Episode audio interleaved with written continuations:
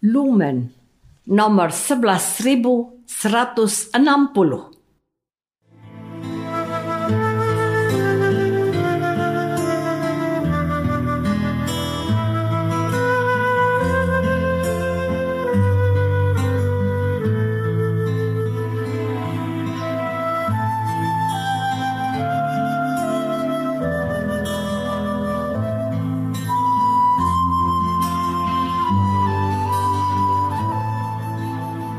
Saudara pendengar di segenap penjuru tanah air, selamat bergabung dengan Lumen Indonesia.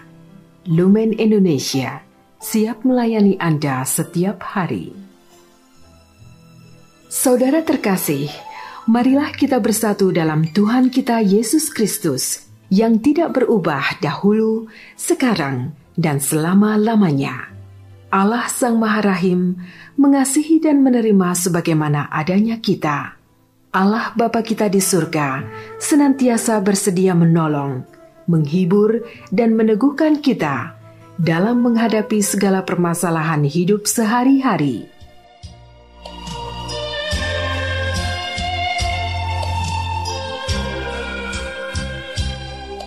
Saudara-saudari, marilah kita mendengarkan renungan dengan judul Berpuasa.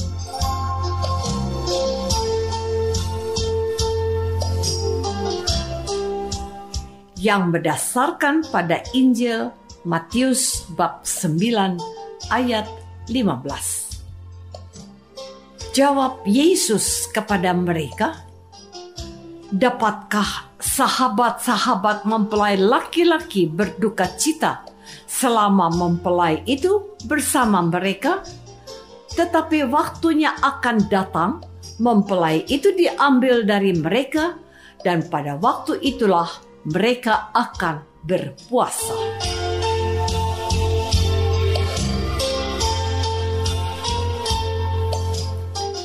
Dalam nama Bapa dan Putra dan Roh Kudus. Amin. Saudara-saudari terkasih dalam nama Tuhan Yesus Kristus. Dalam bacaan Injil hari ini, kita melihat percakapan murid-murid Yohanes Pembaptis dengan Yesus. Dikisahkan bahwa pada suatu ketika datanglah murid-murid Yohanes kepada Yesus dan berkata, "Mengapa kami dan orang Farisi berpuasa, tetapi murid-muridmu tidak?" Yesus pun menjawab pertanyaan dari murid Yohanes Pembaptis dengan kepada mereka, Dapatkah sahabat-sahabat mempelai laki-laki berduka cita selama mempelai itu bersama mereka?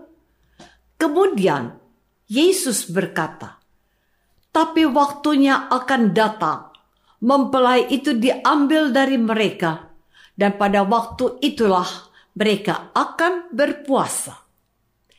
Dari percakapan antara Yesus dengan murid-murid Yohanes ini, terlihat jelas cara pandang yang sangat berbeda dalam hal berpuasa. Murid-murid Yohanes berpuasa sesuai aturan dan kebiasaan orang-orang Yahudi pada umumnya. Cara berpuasa murid-murid Yohanes ini sama persis seperti yang dilakukan oleh orang-orang Farisi dan ahli-ahli Taurat. Sementara Yesus memiliki cara tersendiri dalam mendidik murid-muridnya termasuk hal berpuasa. Saudara-saudari terkasih, aturan untuk berpuasa memang sudah tertulis dalam kitab suci perjanjian lama. Kitab Imamat bab 16 menuliskan bahwa inilah yang harus jadi ketetapan untuk selama-lamanya bagi kamu, yakni pada bulan yang ketujuh. Pada tanggal 10 bulan itu, kamu harus merendahkan diri dengan berpuasa, dan janganlah kamu melakukan sesuatu pekerjaan, baik orang Israel asli maupun orang asing yang tinggal di tengah-tengahmu. Karena pada hari itu harus diadakan pendamaian bagimu untuk mentahirkan kamu. Kamu akan ditahirkan dari segala dosamu di hadapan Tuhan. Hari itu harus jadi sabat, hari perhentian penuh bagimu, dan kamu harus merendahkan diri dengan berpuasa. Itulah suatu ketetapan untuk selama-lamanya. Dan pendamaian harus diadakan oleh imam yang telah diurapi dan telah dihabiskan untuk memegang jabatan imam menggantikan ayahnya.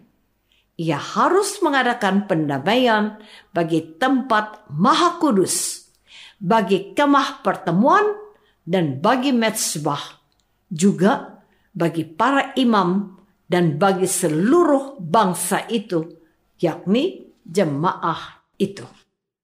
Saudara-saudari terkasih, dalam kitab suci Perjanjian Lama, termasuk kitab Imamat, tertulis mengenai aturan berpuasa bagi orang-orang Israel yang percaya kepada Allah di mana pun mereka berada.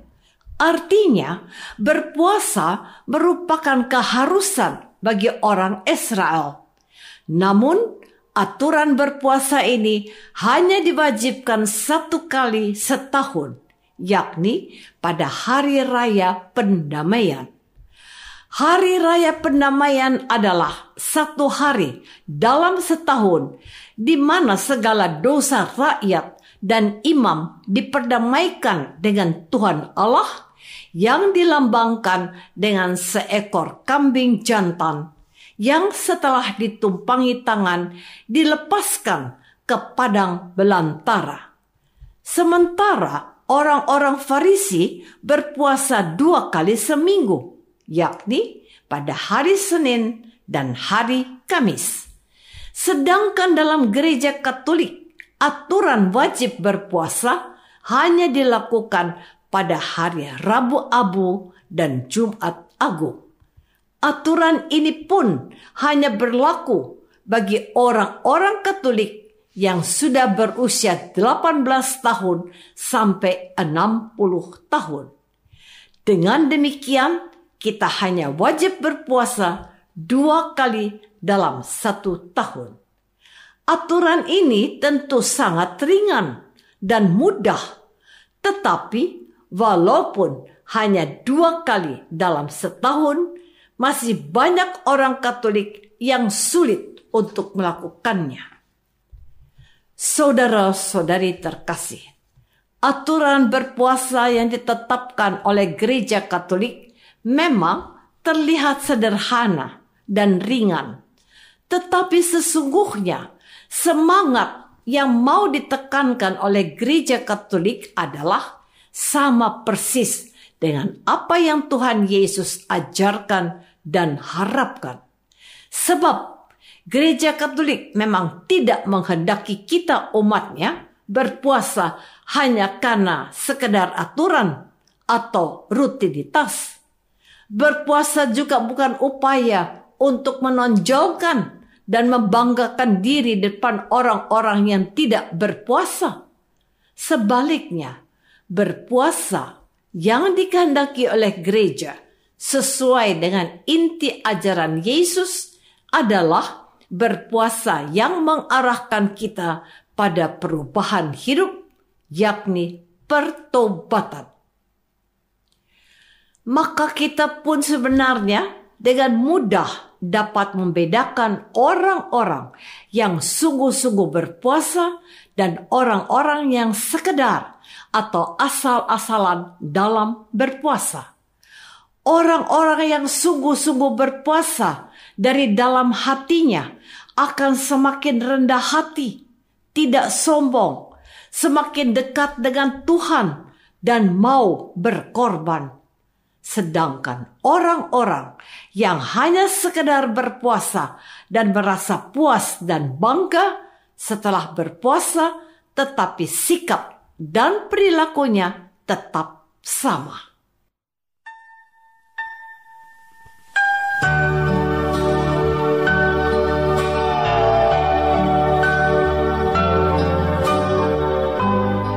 Saudara terkasih, marilah kita masuk dalam saat hening sejenak untuk meresapkan renungan yang baru saja kita dengar bersama dalam kehidupan iman kita masing-masing.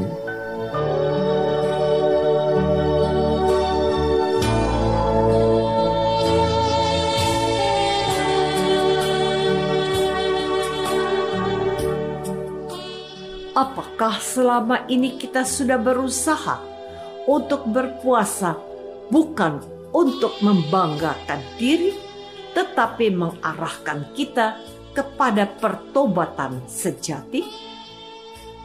Marilah kita berdoa. Tuhan Yesus Kristus, Engkau tidak menghendaki kami untuk berpuasa hanya sekedar aturan rutinitas atau ikut-ikutan saja. Sebab puasa yang engkau menghendaki adalah puasa membawa kami kepada pertobatan. Bantulah kami, supaya pada masa prapaskah ini kami benar-benar bertobat. Doa ini kami persembahkan dalam nama Yesus, Tuhan dan pengantara kami. Amin. Semoga kita semua selalu dinaungi dan dibimbing oleh berkat Allah yang Maha Kuasa, Bapa dan Putra dan Roh Kudus. Amin.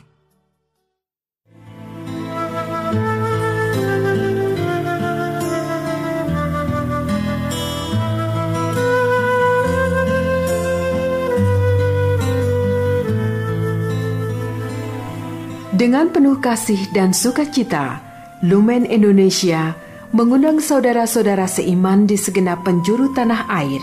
Sekiranya ada tanggapan ataupun saran, kirimkan surat Anda ke Lumen Indonesia, PO Box 7756 JATCM, Jakarta 13077. Terima kasih atas perhatian Anda.